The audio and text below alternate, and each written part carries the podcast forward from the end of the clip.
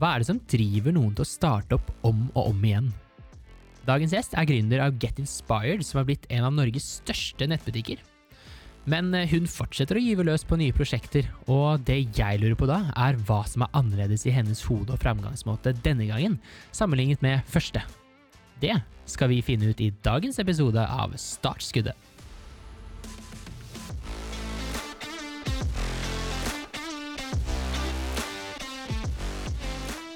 Vi er tilbake i studio her på Gløshaugen i Trondheim. Eh, Og mitt navn er Vetle, og med meg Kamille. Hallo. Hei! Handler du mye på nett, Kamille?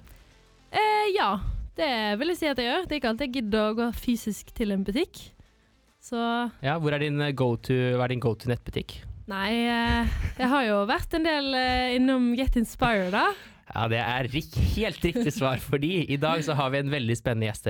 Hun eh, startet sin karriere på eh, internasjonal markedsføring på BI, før hun gikk videre på gründerskolen i Oslo, faktisk. Før hun startet det som skulle bli en av Norges største nettbutikker, Get Inspired, og har videre hatt flere og flere prosjekter som hun bare fortsetter med. Eh, så hun er rett og slett en ekte gründer som elsker å skape, og det gjør henne jo til en perfekt gjest her i startskuddet vil jeg si. Og som en trondheimsbasert podkast, så er det jammen på tide at vi eh, får en ekte trønder her i studio.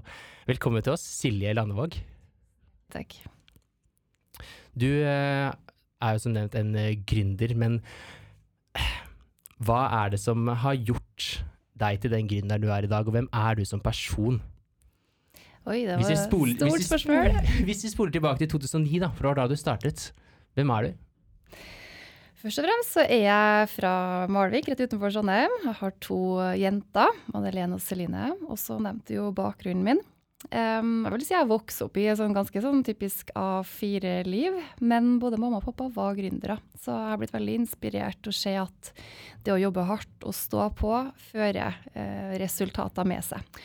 Em, hadde egentlig ingen planer om å starte for meg sjøl rett etter gründerskolen, men det er klart når du går i klasse med ja-mennesker som bare leter etter muligheter, så er det veldig positivt. Man blir gira av det. Men da jeg kom hjem, så begynte jeg å søke eh, jobb. Men tida var egentlig veldig sammenlignbar med nå.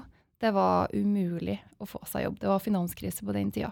Og spesielt stillinger innen salg og markedsføring eh, er jo de leddene du gjerne kutter først. Så det hele starta egentlig med at jeg parallelt med å søke jobb og få penger fra Nav, eh, begynte å skrive forretningsplan eh, med en helt OK idé, vil jeg si. Altså, ideen var jo trenings-DVD-er. Og det kom litt fra Jeg bodde jo i Shanghai siste delen på gründerskolen. Og da var var det veldig lite treningsfasiliteter. Så vi trente mye på rommet til en eh, pilates-DVD. Og så tenkte jeg jo, jo, det er jo et greit substitutt når du ikke har et treningsstudio eller ikke kan ta deg en joggetur. Men det må jo finnes noe bedre enn det her på markedet. Så, så det var egentlig utgangspunktet. Men greia var egentlig at jeg bare trengte noe å trene meg på å skrive forretningsplan om. Så jeg hadde egentlig aldri tenkt å liksom gå videre med det. Men så gjorde jeg en markedsundersøkelse, og så fikk jeg grei respons. Og så fikk jeg to kompiser til å lage denne videoen, fant tak i noen instruktører, og så vips, så var jeg i gang. Så Mm. Og da ble det resultatet rett og slett DVD-er. Eh, er, er vi der? det, vi er der. Og Ja. det ble liksom én DVD, og så fant jeg ut at det tok jo fem-seks måneder bare å lage denne DVD-en. Og så var det jo på en måte alt som skulle lages. sant? Du skulle ha design og cover, og du skulle ha et sted å selge fra, og i det hele tatt. Og det ble jo langt mer kostbart enn jeg tenkte òg. Men det største utfordringen var jo at jeg ikke fikk gjensalg. Når kundene først hadde kjøpt denne DVD-en, så hadde jeg jo ingen flere produkter. Og det tok fem-seks måneder å lage et nytt.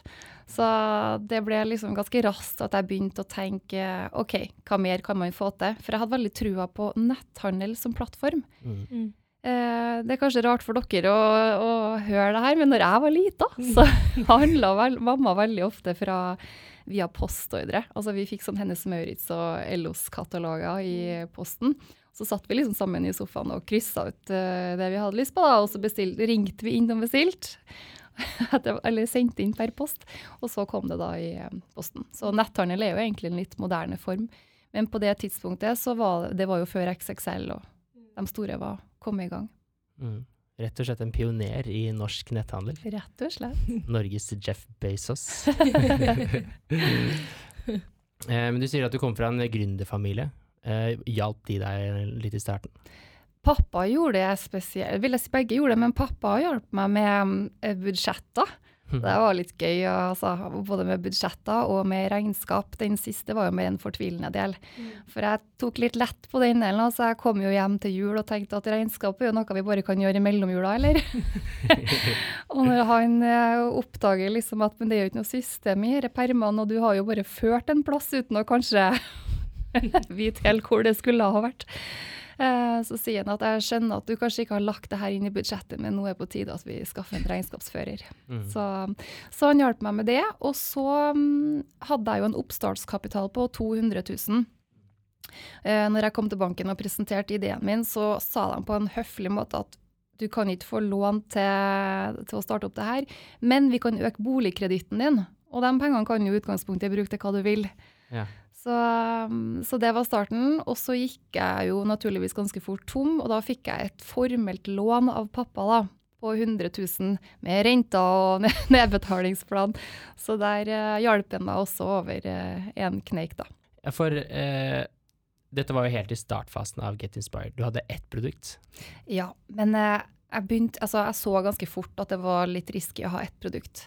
Så da starta jeg jo egentlig med å fomle med å finne flere ting. Men det var jo alt mulig rart. Det var jo pukka te, det var lypsyl, det var yogamatta, strikk. Hva er sammenhengen her? Nei, trening, skjønnhet, velvære. Så det, men det her er en sånn typisk ting. Eh, I starten så jobber man ekstremt mye med å klare å forklare hva skal det her egentlig være. Mm. Sant? Jeg, ville, jeg, jeg hadde liksom en idé om å starte en nettbutikk, men så visste jeg egentlig ikke helt hva jeg skulle selge. Så jeg bare leita jo etter hva er det egentlig markedet vil ha. Eh, og så vi hadde jeg liksom bestemt meg at det skulle være kvinner som var målgruppa, at det skulle være inspirerende. Så jeg tenkte jo at på en måte treningsmatter og pilatesballer og sånn var en forlengelse av denne DVD-en og hjemmetrening. Og så hvor den her T-en kom fra, det vet ikke jeg. Restitusjon. ja, si, ja, sant. Det kan godt være. Men ehm, så så jeg jo litt det òg, bare med hvor dyrt det var å sende da, portokostnadene ikke sant, på en sånn her yogamatte. Og ikke minst hvor mye plass det tok i leiligheten min. Jeg hadde jo ingen lager, så alt var jo hjem til meg. Ja. Um, så det husker jeg han, uh, samboeren min han sa jeg kan lukte langt nedi bokstavet når du har fått eh, påfyll av denne pikka ham.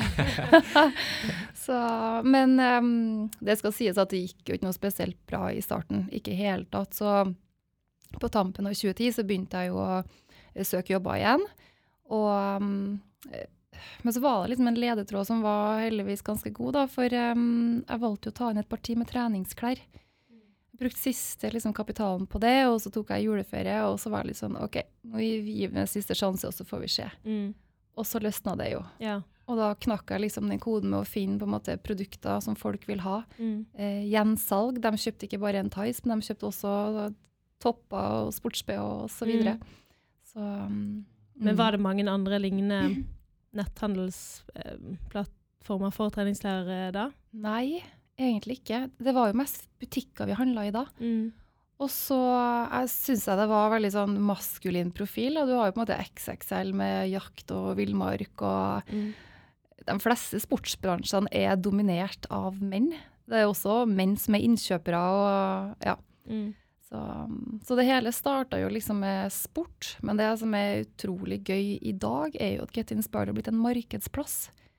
Altså Du aner ikke hvor mye paljettkjoler vi har solgt i julebordsesongen. Mm. Vi hadde styremøte i går, det går så det griner. Mm. Og det er helt andre ting som selger i dag enn da jeg starta med treningsklær. Da. Mm. Ja, nei, jeg, jeg bare hører en veldig typisk gründerhistorie her. Du starter i egen leilighet, du fyller den opp med masse pappesker. Eh, du har hatt mye flaks, vil jeg si. Først og fremst flaks at du ikke kom inn på, på jussen. Du hadde flaks at du ikke fikk noen jobber da du begynte å søke det. Og ikke minst så brukte du siste kapital på noe du trodde kunne være eh, interessant for kundene dine, og det ble det. Som ble startskuddet på den suksessen eh, Get Inspired faktisk ble. Og det har jo i dag fem, over 500 eh, millioner eh, kroner i omsetning. I år blir det over 600. Er det såpass, Ja, ja. Vi ligger langt over budsjett. Oi. Og det er i de tidene her. Ja. Jeg har nesten ikke til å tro. Nei, det, er, eh, det er utrolig, men da lurer jeg på hvordan er det dere jobber for å se etter trender i markedet, og se etter hva kundene faktisk vil ha? Ja, det er et veldig godt spørsmål. For det her handler jo på en måte om å bruke analyse og data godt for å på en måte optimalisere innkjøpet, men hele tida også være i forkant av eh, Altså jobbe med forbrukermarked. Så vi er på alt fra trendmesser til at vi gjør spørreundersøkelser, og til at vi ser liksom på hvordan tror vi fremtida blir, blir f.eks. etter eh, covid. Under covid så solgte vi mye turklær. Mens etter covid så hadde alle sammen lyst til å ut og reise. Mm. Og da var det helt annet sortiment vi solgte. Og vi satt heldigvis og tenkte sånn. Jo, vi trenger folk kommer til å reise utenlands. Vi trenger masse Birkenstock og sandaler. Vi trenger lette sommerkjoler og eh, shorts og T-skjorte og trening til utendør, ikke sant. Så, så jeg tror egentlig at det gjelder liksom å, å tenke sånn, men også det å gjøre mindre tester. En annen artig ting da, er jo at eh, jeg lurer på om det var forrige uke. Plutselig så ser jeg Hæ, har vi begynt med barneklær? altså nei, små, søte kjoler og masse ull i butikken. Og så har jo de myndighet, sant, uten å ta det opp i styret, til å teste litt. Og så sier Sindre OK, vi gjør eh, et lite kjøp, og så skal vi ikke bruke masse penger på markedsføring, men vi tester og ser om det er ting, for vi har jo på en måte mødrene som, som handler. Og så får jeg liksom rapport på styremøtet i går da, om at vi har solgt 700 plagg på ei uke uten markedsføring. Så det er jo at Mm. man bare liksom gjør forsiktige tester. Og så er det jo mye bra feedback fra kundene også. Sånn som i starten, når jeg hadde på meg treningsklær, så fikk jeg jo veldig mye spørsmål om hvor er skoene dine fra. Sant? Og så var jeg sånn, åh, måtte sende deg på XXL for å få det tak i der. Og så kom jo den her trenden med sneakers. Alle skulle plutselig ha sneakers, og det var lov å gå med til kjole. Og, og da var det sånn, ok, vi må få tak i sneakers. Så det, jeg tror egentlig det er liksom en blanding, men for å gjøre gode innkjøp, så er det liksom en 50-50 kombinasjon med analyse og Mm. Så handler det om å ha ansatte som er litt flinke på trender og kan, kan analysere litt det, da. Ja, og det går mye på kultur. Å lære dem opp i, i tankesett. Så det er jo ekstremt viktig for meg nå også, når man, når man er liksom på starten igjen, at OK, hvordan tenker vi, og hvordan opererer vi? For det kan læres. Mm. Hvordan tenker du, og hvordan tenk, har du fått ah, de ansatte til å tenke opp igjennom? Det viktigste for meg er mm, at når vi starter noen ting, så kommer vi til å havne i veldig mange situasjoner hvor vi ikke vet hvordan vi skal håndtere det. Så da er det, så da er det liksom tilnærminga OK, det her kan ikke vi. Hvem kan det? Hvordan finner vi det ut? Så det er liksom, det er helt greit, vi trenger ikke å kan alt, men vi skal ha evne til å klare å finne det ut. Og da er det jo alt fra å begynne å ringe, til å google, til å Ja. Mm. Hvordan Mm. var veien fra at du startet alene, til at det plutselig ble flere og flere ansatte? Det var litt sånn, eh, Jeg ble jo gravid oppi det hele, og det var ikke akkurat nøye planlagt. eh, Men eh, jeg er veldig glad for det i dag, da. Men det førte jo til at jeg sendte en melding faktisk til broren min. 'Jeg er gravid. Prikk, prikk, prikk.' Ja. Og så han bare 'Å, stas. Skal bli onkel. Gratulerer'. Forresten, har jeg fått meg jobb, eller? så da hadde jo Sindre nettopp skrevet bacheloroppgave om Get Inspired. Ja. Men litt sånn motsetning til meg i oppveksten, da, så har jeg vært litt sånn her Mamma, jeg er ferdig med oppgavene mine. Hva mer kan jeg gjøre for å tjene ekstra penger den uka her, liksom? Jo, OK, hvis du vasker badet, får du en tier, og hvis du gjør sånn. Så jeg bare OK. Ja, det gjør. Og jobba og tatt på meg masse ekstravakter på bunnpris. Men Sindre har syntes det har vært kjedelig, så han har heller liksom valgt gaming og litt mer sånn latmannslig, da. Mm. Er dette lillebror, eller? Det her er lillebror. Ja. Så det var egentlig ganske risky, vil jeg si, å ansette nyutdanna lillebror rett fra skolebenken eh, inn i en daglig lederstilling. Men det som gikk gjennom hodet mitt da, var ok, det aller viktigste for meg nå, det er at jeg ansetter noen jeg kan stole på, og som også takler at jeg kommer til å ha med babyen på jobb hver eneste dag. Eh, og som har vært med litt på sidelinja, for vi sparra jo mye på en måte under eh, oppstarten òg. Så da, august 2011, var liksom første dagen på jobb, og eh, veldig artig å tenke tilbake på også, for han, det starta jo med at han aldri kom tidsnok. Vi starta liksom klokka åtte, og han, det var ofte at jeg måtte ringe og vekke han. Så jeg bare 'hallo'. Å, jeg syntes det var altfor tidlig å starte åtte om morgenen. Så så vi inngikk liksom etter hvert et kompromiss om å starte halv ni, da. Um, og så sier noe sånn i ti eller elleve-tida, Silje, jeg er ferdig med arbeidsoppgavene mine, hva skal jeg gjøre nå? Så jeg bare, jeg har heller ikke vært i et stadie her på utvikling av nettbutikken, men vi må bare finne ut hva vi skal gjøre, liksom. så når jeg sier det her, så er det ingen som tror meg. For han er jo den som er først på jobb, sist hjem. Han er den mest pliktoppfyllende, og han er jo struktur og rutiner som er helt rå. Så, Så du vil si at du har lært han litt opp, da? jeg, jeg tror jeg var en eh, bra figur i starten for han, og så Ja. har han eh, stått for uh, størsteparten her, og skal han egentlig ha sjøl. Han har vært helt rå på selvledelse. Og det ordet med selvledelse, det er jo et veldig viktig eh, begrep som er viktig å jobbe inn tidlig, tenker jeg. Både som student, men også ny, ny jobb. Mm. Ja, for det er jo mange studenter som hører på, eh, og som kanskje har lyst til å starte noe eget. Eh, og du har sagt tidligere at eh, det er veldig sammenlignbart det med å være student, og det med å være gründer, og egentlig i arbeidslivet generelt, at du må ha struktur, og du må kunne klare å prioritere tiden din. Hvordan, har du noen tips til, til oss studenter, men også gründerne der ute, på akkurat det? Ja, for jeg var ikke spesielt god første halvåret på studiene sjøl. Jeg husker jeg fikk det i markedsføringsledelse, og det var liksom favorittfaget mitt. Så, og det handla om at jeg ikke kunne, men jeg hadde lest helt feil. Så det å på en måte bruke god tid på å lære seg st altså studieteknikker, det å liksom forstå oppgaven og løse den, og gjerne gjøre litt ekstra, det tror jeg er litt sånn fin ting. Men så er det også det med struktur i forhold til rutiner, og da går det liksom på helt på basic. For jeg bruker å sammenligne oss næringslivsutøvere med idrettsutøvere, for det er veldig sammenlignbart. Ikke bare som et lag når du er en bedrift, men som enkeltutøver. Eh, vi er nødt til å være gode på søvn, og vi er nødt til å ha gode rutiner på mat. Og også smart arbeidsfordeling gjennom dagen. Så det å dyrke sine golden hours, altså bruk de timene der du er best, da, hvor hodet er skarpest, på det som kanskje er mest krevende. Så for min del så er jeg mye kvikkere om morgenen enn jeg er om kvelden. Så jeg bruker å legge opp dagen min til at jeg sitter med liksom tyngre produksjonsting tidlig, og så kan jeg heller ha møter eller besvare mail senere på dagen som krever mindre kapasitet. Mm. Og så handler det mye om å faktisk eh, lage seg lister over hva er det jeg skal gjøre i uh, uka her, dagen her, og skille mellom need to og nice to. En veldig fin øvelse. Og det å faktisk gjennomføre de her viktigste oppgavene. Selv om man ah, på slutten, så det å, det å faktisk gjøre det, for det største forskjellen ligger i gjennomføring. Det må disiplin til for å nå toppen. Ja.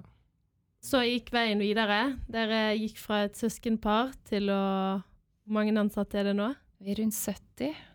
Ja. Ja. Og nå har vi jo også masse ekstrahjelper. Nå er det jo nesten ikke å få tak i vika- vikarer på Manpower, hørte jeg i går. ja. Så for nå er det jo høysesong eh, nå mot eh, Ja, i den tida vi er inne i nå. ja.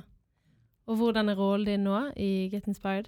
Nå sitter jeg jo i styret, Mm. så jeg er jo aktiv der. Men jeg har jo solgt meg delvis ned, så jeg eier nå 20% Så har broren min eh, 25 og så har vi da investeringsselskapet Salvesen og Tams på 52,5, og så har vi økonomisjefen vår eh, som har eh, Eller hun er blitt viseadministrerende, men hun har vært økonomisjef lenge, da, som har 2,5 ja. Hvordan eh, føler du Føler du du håndterer det å på en måte ha mindre ansvar enn det du hadde fra begynnelsen av, når det på en måte er, er ditt eh, prosjekt som har blitt så stort? Og det er egentlig veldig fint. Jeg er så happy med tilværelsen. Men det er litt sånn um, Bedriften er jo en baby, en nyfødt baby helt i starten og trenger masse omsorg. Og så er det litt sånn, den vokser jo og blir større, og jeg tror suksessfaktoren er å slippe til, da. For hvis du skal bli stor, det spørs jo hva man ønsker med bedriften, men skal den virkelig vokse og bli stor, så er du nødt til å på en måte hele tida jobbe med å frigjøre oppgaver. Og finne ut hva er det du er best på, og hvilken, hva er det som er best for bedriften.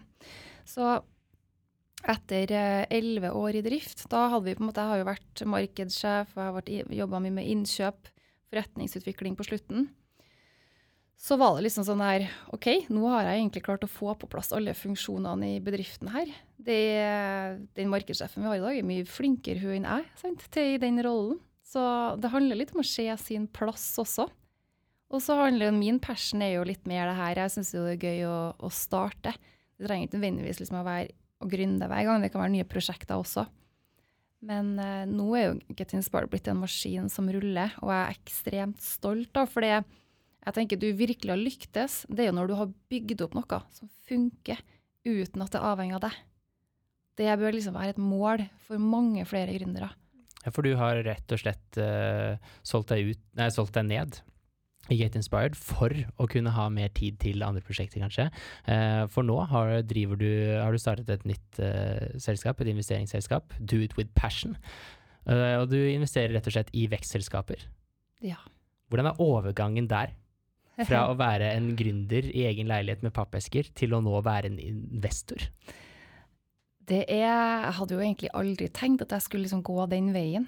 Eh, når jeg jobba med hva skal Silje bli når jeg blir stor, så hadde jeg jo skissert mange muligheter. Eh, og det å jobbe med investeringer var ikke en av dem. Så det var egentlig inspirert av styrelederen i Get Inspired, Bjørn Wiggen, som, eh, som førte meg litt over på de tankene. Og så sier han at For jeg var litt sånn ja, men jeg har bakgrunn i markedsføring, ikke finans. Jo, men du skal bidra med gründerkompetansen og markedsføringskompetansen din i vekstselskap. Du kommer til å ha det superspennende, for du får jobbe med gründere. Så um, når den tanken der liksom begynte å modnes, og jeg liksom også tenkte at hvor mange investorer ut der er det egentlig med min profil og min kompetanse? Det er få. Så syns jeg det var en spennende retning å, å, gå, da. Så nå har jeg jo um, ja, investert i seks selskap. Eh, men jeg er jo også da på ny gründersatsing eh, sjøl igjen, jeg klarer jo liksom ikke å, å dy meg helt. Men det å jobbe som investor syns jeg er spennende. Men jeg kjenner at um, jeg trenger på en måte også å få være mer operativ. Jeg er litt for ung til å bare kan gå fra styremøter til styremøter. Jeg har mm. liksom lyst til å være på gulvet fortsatt. Mm. Mm. Så jeg, derfor tror jeg den kombinasjonen nå med både jobbe med investeringer, men også få lov til det, er veldig fin. Mm. Ja, for da får du rett og slett mulighet til å gå inn i disse vekstselskapene og hjelpe til litt med din kompetanse og, og erfaring. Mm. Mm. Uh, benyttet du deg noe av det uh, i Get Inspired? Ja, vet du, vi har uh, brukt masse mentorer gjennom uh, veksten. Og ulike mentorer ut ifra ulike faser man er i. Noen ganger så trenger du på en måte å utvikle deg personlig med liksom egenskapene dine som leder, og hva er viktig for deg, og hvordan skal du være, sant? og hvordan skal du håndtere det som skjer. Og så er det jo også faglig, på en måte. Hvordan skal man ta det herfra til dit? Så um, det å ha gode folk rundt seg som du ser litt opp til, og som Jeg tror litt den derre Hvis man tenker flink pike i positiv forstand, at det heller er det at du ønsker å strekke deg til nå, så er det positivt. Så jeg har jo hatt også forbilder som har vært mine mentorer. Mm. Og da har jo jeg lyst til å vise dem at jeg får til ting. Så det blir en sånn uh, Ja. Så jeg har egentlig mange som jeg blir inspirert av, men også up and coming stars. Altså om det er studenter eller gründere som bare skikkelig har lyst. Det òg gir meg energi. Ja, For du begynner å se at uh, du er ikke lenger yngste generasjon gründer. Det er veldig rart. Vi kommer etter det. ja. ja, men det er fint.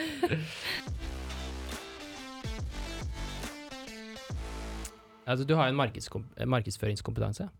Mm. Uh, du startet noe tilbake, helt tilbake i 2009, og så starter du noe nå igjen. Det må jo være forskjell i hvordan uh, i strategien du la da, og den du gjør nå, både med tanke på markedsføring, for det er en helt annet marked og en helt annen måte å markedsføre på, Eh, men også bare hva som skjer i hodet ditt.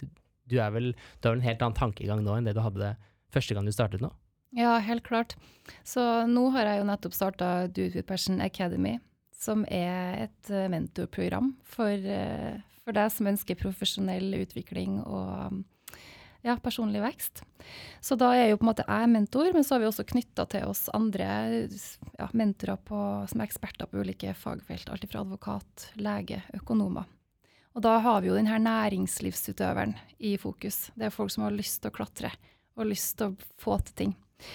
Um, så det som er annerledes Jeg vil si at jeg har for så vidt vært greit strukturert liksom fra start forrige gang òg, men på et helt annet nivå nå. Nå har jeg på en måte Jeg vet litt mer hva jeg skal gjøre, og hvordan jeg skal legge opp dagen min. Så etter hvert så blir jo de her, når man jobber med å få til struktur og rutiner, så flyter det bedre. Eh, og så er jeg veldig mye bedre på å prioritere, så jeg sier ganske mye nei til ting. Og det er ikke for å være kjip, men det er for å prøve å være smart, rett og slett. Eh, og så er det med hvile som er viktig. Det om å kunne trekke ut kontakten. Jeg var nok veldig mye mer sånn at jeg kjente på ting før. Det kan jeg absolutt gjøre i perioder nå. For det der, altså selvtillit er litt ferskvare. Noen ganger så er- ruler man, og andre ganger så er man liksom svak. Men um, ja, jeg tenker liksom at jeg jobber hardt når jeg er på jobb, og så har jeg liksom de som er hvile, og da er jeg faktisk ganske flink til å bort med mobil og eh, ja, dra på trening og, og gjøre sånne ting. Og så alltid før jeg legger meg, så sørger jeg for å få kontroll. Sånn at jeg kan legge meg og vite hva jeg skal i morgen, og så bare liksom slå meg til ro med det. Og så er det den der med å tørre å stole på seg sjøl. F.eks. når jeg skal inn i podkasten her nå, så har jeg naturligvis liksom forberedt meg og tenkt litt eh, Ja, hvordan kan jeg på en måte gi gode svar som kanskje kan inspirere flere til å våge å følge drømmene sine. Men eh, etter hvert hvor man har gjort forarbeidet, så er det liksom det å tørre å stole på at OK, nå er jeg godt nok forberedt, det her blir bra. Så liksom den, At du snakker positivt til deg sjøl, at du er litt din egen bestevenn, eh, Mm. det er faktisk ganske fint. Mm. Og så er det det med å tenke stort fra start. Det gjorde jeg ikke med Get Inspired. Målet mitt i starten på Get Inspired var egentlig bare å skaffe min egen arbeidsplass. Og så, når jeg skjønte at det her kan bli stort, da kom de tankene. Mens nå tenker jeg Do It Passion Academy, jeg har skikkelig trua på at vi skal få til det her. Eh, og måten å gjøre det på, er liksom da tenker jeg OK, team, ikke sant. Nå er vi eh, fire totalt sammen med meg. Eh, og så jobber jeg da med kultur. Hvilken kultur skal vi ha, hvordan jobber vi, og liksom få dem med også på hva skal det her bli for noen ting. Og det, jeg er jo veldig visjonær leder, men så har jeg en eh, leder ved siden av meg som er mer operativ. Og det er jo egentlig det som har vært suksessen med meg og broren min også. Han har liksom vært den som har gjort det daglige, og det har jeg Monica til nå. Mens jeg er den som jobber visjonært og tenker liksom fremover. Så jeg må jo bremse meg sjøl med å vite hvilket rom jeg er i når jeg tar opp ting. For eh, det kan være ganske stressende for en arbeidstaker å være i et gründerhode, da. Så da, da må, hvis måte, hvis, hvis jeg skal tenke tre til fem år frem i tid, så må jeg ta opp det i riktig arena. Jeg kan ikke bare liksom snakke høyt på pulten om det. Så, men det å tenke stort fra start, og det å rigge seg for skalering, da, det er liksom mye mer mindset nå enn eh, det var før. Det gjør det. Og markedsføringa, jeg regner med at det har endret seg litt siden du lærte det på BI i 2005? Det er litt sånn interessant, for vi hadde jo ikke sosiale medier f.eks. på skolen, vi. Det kom jo Begynte jo å bli stort i 2010-2011. Så jeg har jo egentlig vokst opp med det. Jeg husker jo på en måte at jeg oppretta en Facebook-profil i 2007, men liksom det å bruke det som et markedsføringskanal eh, ble jo egentlig stort i samme tida som Get Inspired vokste. Um, og jeg så jo òg hvor mye mer det solgte når jeg hadde på meg et, øh, et antrekk, enn sånn glossy image-bilde som vi har brukt mange hundre tusen på å få det perfekte, liksom. Så det, der òg har det jo vært prøving og feiling og testing og Ja. ja. Så du solgte rett og slett bedre, da? Jeg solgte bedre. ja. Ja, Og i dag, da? Hvordan markedsfører du i dag? Eh, nå har jeg jo um, Veldig mange har jo fulgt meg gjennom hele reisen. Så Instagram er jo uten tvil den største kanalen min. Der har jeg vel en 35 000 følgere. Og så LinkedIn ser jeg har blitt mer og mer viktig også. Spesielt i den nye rollen min som investor, så treffer du på en måte næringslivet på en helt annen måte der. Så jeg vil si at de to kanalene er kanskje de aller viktigste. Men så er jeg òg nå i gang med å bygge kundeliste. For sånn som god, gammeldags e-postmarkedsføring er fortsatt superrelevant. For det er litt risky å belage seg på å bygge opp mange følgere i én kanal, og så vet ikke du helt hvordan blir egentlig den utviklinga med de kanalene. sant? Hva velger vi å bruke tida vår på? Mens denne kundebasen, den har du med deg for alltid. Og denne e-postlista, den kan du jo bruke til å kjøre Facebook-annonse direkte, direkte mot den. Eller Google AdWords, eller eh, hva det skal være. Ja, de har jo blitt ekstremt gode. Det skal sies at eh, jeg har jo, etter å ha bare vært så vidt inne på Get Inspired eh, den, siste, den siste uka, så, så får jeg det opp overalt. Ja, ja, ja. Så der er de gode. Og der er jo Meta gode, og Facebook. Mm. Mm. Men det gjelder akkurat det samme for Do It With Passion nå. At jeg jobber mye med e-postmarkedsføring og sosiale medier. Og, så det er veldig mye netthandel i det jeg gjør nå, faktisk. Sånn, vi bygger jo en nettside, og vi bygger liksom tunneler på landingssida. ikke sant? Hva skjer når de klikker dit, så kommer de dit, og så sånn. De får takk for din bestilling, og Mm. de kommer inn i en portal. ikke sant? Hvordan ser denne portalen ut? Så jeg koser meg veldig med, med det, da. Mm. At det er mye likt fra det jeg har holdt på med før. Selv om det er annen type produkt. Mm. Mm. Kanskje litt bedre intuisjon nå også, enn det du hadde den gangen. Ja. Ja, ja den har egentlig vært ganske bra. Og det er jo litt sånn der, Vi har jo starta nå, men jeg er jo forberedt på at vi kommer til å endre masse på veien. Så det er jo litt sånn den her Pilates-DVD-en som ble til ja, den markedsplassen Get Inspired er i dag. Og nå på en måte har vi jo starta et eh, mentorprogram som kickes i gang nå i, i januar. Så vi åpner jo påmeldinga nå. Mm. Eh, jeg er helt sikker på at den kommer til å ta ulike retninger etter hvert som vi får feeling på markedet og hva som funker og ikke. Og, så det er jo det å optimalisere eh, og hele tida forbedre er vi mål. Mm. Mm. Og den ideen fikk du selv av at du har hatt stor nytte av forbilder og gode mentorer? Ja. Man liksom kommer et stykke alene, men man kommer langt sammen. Og ja, så er det på en måte man er nødt til å utvikle seg også innen så mange temaer. Så jeg har den her næringslivsutøveren. Så jeg tenker liksom, hva hadde Silje 24 trengt? Jo, hun hadde trengt eh, å jobbe med akkurat de her tingene. Og bli bedre på det, og liksom også få den derre heiagjengen og backinga da, når ting er tungt. da. For det, det er jo eh, viktig å komme seg over kneika, for du har jo det her bildet når du starter. Det her kommer til å gå så bra. sant? Man er ny i jobben, og framtida er lys. Og så kommer jo realityen. Og så er det å være forberedt på den, hvordan man forbereder seg til det. Og hvordan man faktisk også håndterer det. Mm. Så jeg vil jo si at jeg har ganske mye erfaring også nå, som på en måte jeg har et brennende ønske om å føre videre. Og jeg føler det litt sånn, litt flåsete sagt, men mitt samfunnsansvar. Mm. Og kanskje inspirere flere da, til å Mm. våge å følge drømmene sine. Mm. Og hvis jeg kan bidra til at flere har lyst til å være med på verdiskaping, så er det meningsfullt for meg. Mm. Ja. For én ting er jo å kunne klare å inspirere, men en annen ting, vi sier jo ofte at, uh, at man lærer av feil. Ja. Og da å ha en mentor som har gjort feil på feil på feil, uh, kan jo hjelpe en til å unngå de samme feilene. Uh, og vi elsker jo å høre om suksesshistorier, men vi elsker jo kanskje enda mer å høre om historier som har gått til helvete, men Mm. som har eh, klart, eh, klart å gå riktig vei igjen. Da. Har du noen eksempler på det, enten i Get Inspired eller i Do It With Passion? Absolutt. Vi har, um, har to veldig konkrete. Det ene er jo i 2014 så starta vi jo barnebutikk, Sporty Kids.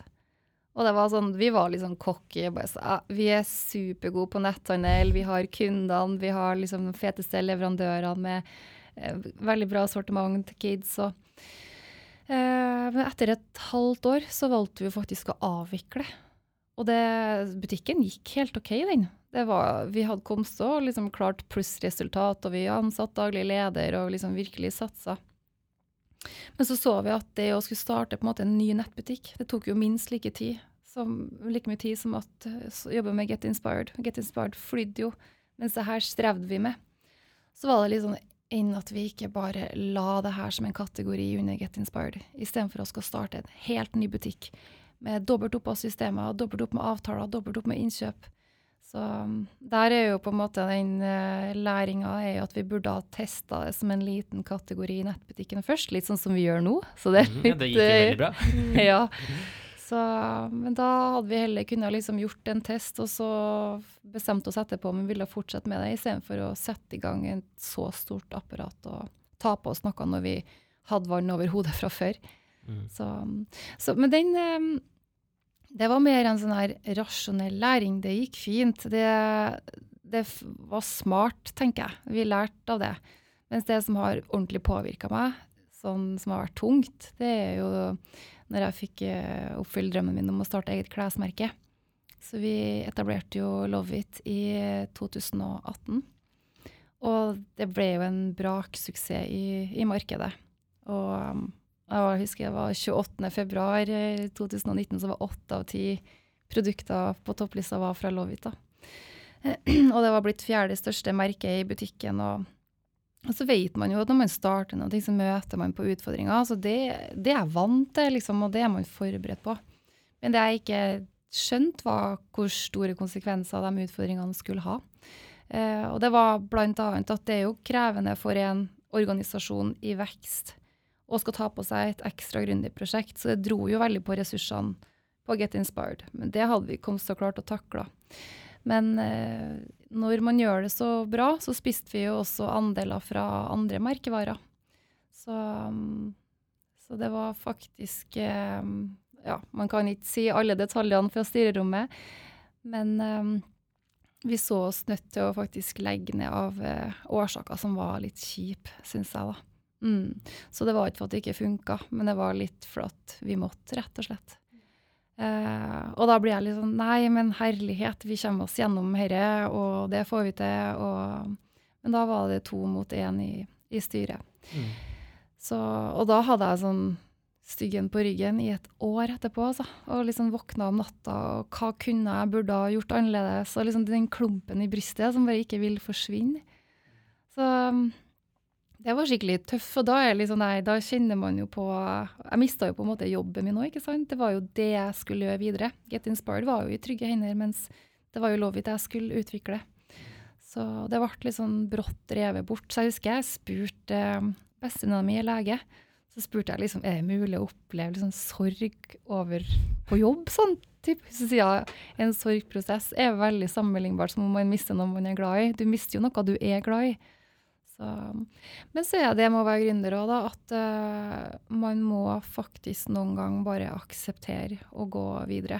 Og det å gå og være bitter, og det gagner jo ingen. Så, så, den var kjip og tung, og jeg syns fortsatt at vi ikke burde ha lagt ned. Men jeg får lengst kommet meg over det og tatt det som en nyttig læring. Herlighet, så mye vi lærte i den prosessen, da. Fordi eh, du tar jo ganske mange valg som en gründer. Mm. Hvem er det du sparer med? Hvem var det du sparet med da, og hvem sparer du med nå? Det kan være alt ifra um, hun legevenninna mi, skal jeg til å si. For hun er veldig smart, og så er hun veldig sånn, god på det menneskelige og ser Silje oppi det hele. Så jeg prøver egentlig å få litt sånn ulike vinklinger. Og så har jeg jo kjæresten min, som jeg vil si Ofte så kan du på en måte ikke dele så mye heller, så det blir få jeg kan spare med, for du står i ting som du er litt sånn forretningskritisk, da. Um, og så har jeg jo hun som på en måte definitivt har vært viktigst for meg, er jo Inger Ofstad, som er advokaten min.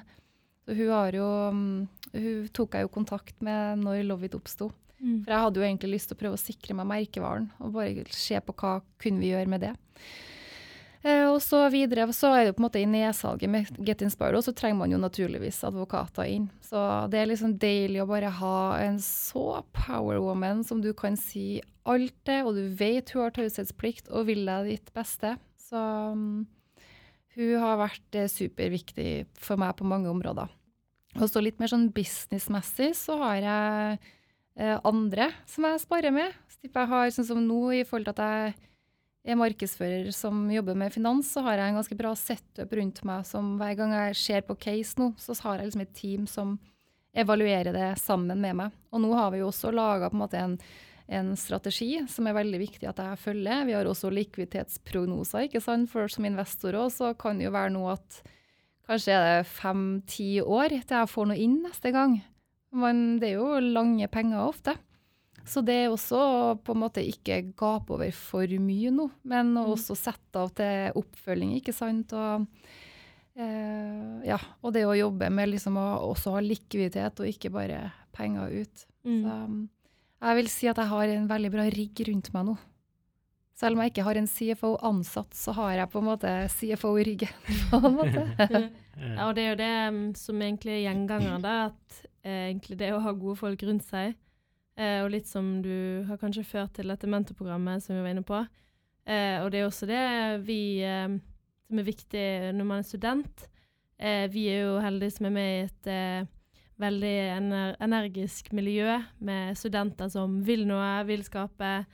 Eh, og ikke minst hjelpe hverandre. Hjelpe hverandre, ja. Um, så det er jo litt det der å omgi seg med folk som vil noe mer, da.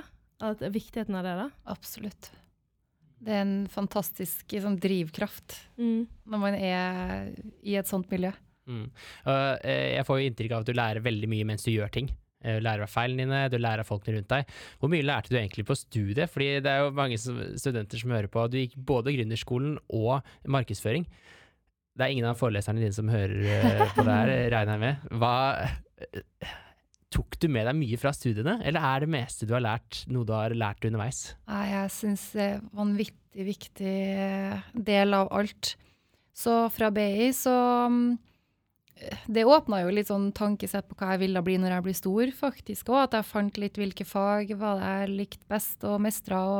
Og, og, det å få på en måte den der brede innsikten var veldig god. Og så var jeg jo ett år i Barcelona. Jeg hadde siste året mitt der. Og det å på en måte få kultur og jobbe med situasjoner hvor både folk er annerledes, og det er annerledes. Og gründerskolen syns jeg ble veldig konkret, da. Så det syns jeg var ordentlig bra. Og uavhengig om man vil bli gründer eller ikke, det å jobbe med forretningsutvikling, hvordan skrive forretningsplan, eh, og hvordan gå fram når du har en idé, eller hvordan finne en idé, det er like relevant hvis du jobber i et selskap òg, som jobber med forretningsutvikling på ulike felt. Da. Så um, det ble superkonkret når jeg da skulle starte, og jeg vet ikke om jeg hadde greid å fått ut det hvis jeg ikke Jeg mener jo man må starte med denne forretningsplanen. Mm. Du trenger ikke å ha liksom mange sider, det kan være tre til fem sider, men du er nødt til å måte, gjennomgå alle de punktene som står der, mm. for å ha Ja, det øker i hvert fall sannsynligheten for å lykkes, da. Mm. Ja. Ja, så etter en uh, lang karriere, uh, som fortsatt er i startgropen, regner jeg med Å oh, ja. ja. har du noen, noen siste tips til studentene og de, og de, andre som hører på?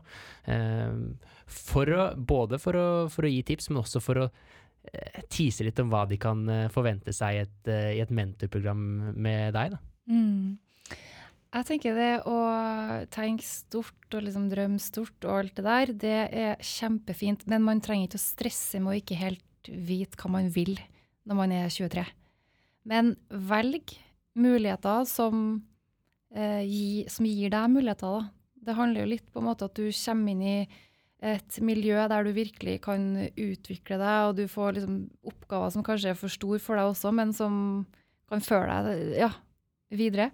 Så jeg vil si at det er mye viktigere enn lønn nå i starten. Og også, nå skal ikke jeg liksom snakke ned noen, men pass på å ikke havne i et stort og komfortabelt system.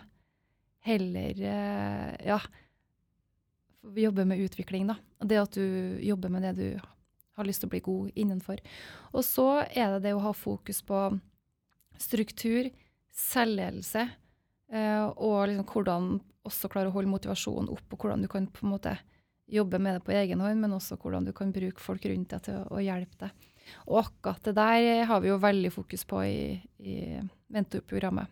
Mm. Så, um, så, jeg tenker liksom Hvis man har lyst til å ha litt mer av hodet mitt, og kanskje det kan være en bra mentor på, på sida, så er det definitivt eh, veldig kult om eh, dere har lyst til å bli med. Mm. Hvordan gjør man det, da? Og melde seg inn på divacademy.no. Vi linker til den i episodebeskrivelsen, Camille. Mm. Uh, og så må vi bare si at uh, jeg er i hvert fall uh, blitt veldig inspirert bare her i dag på morgenkvisten på NTNU. Og så håper vi at dere også blir det når dere lytter til startskuddet. Og så er vi veldig spent på å se videre vekst for uh, Two Passion og alle dine prosjekter videre. Takk for at du lytter. Tusen takk for at jeg fikk være med.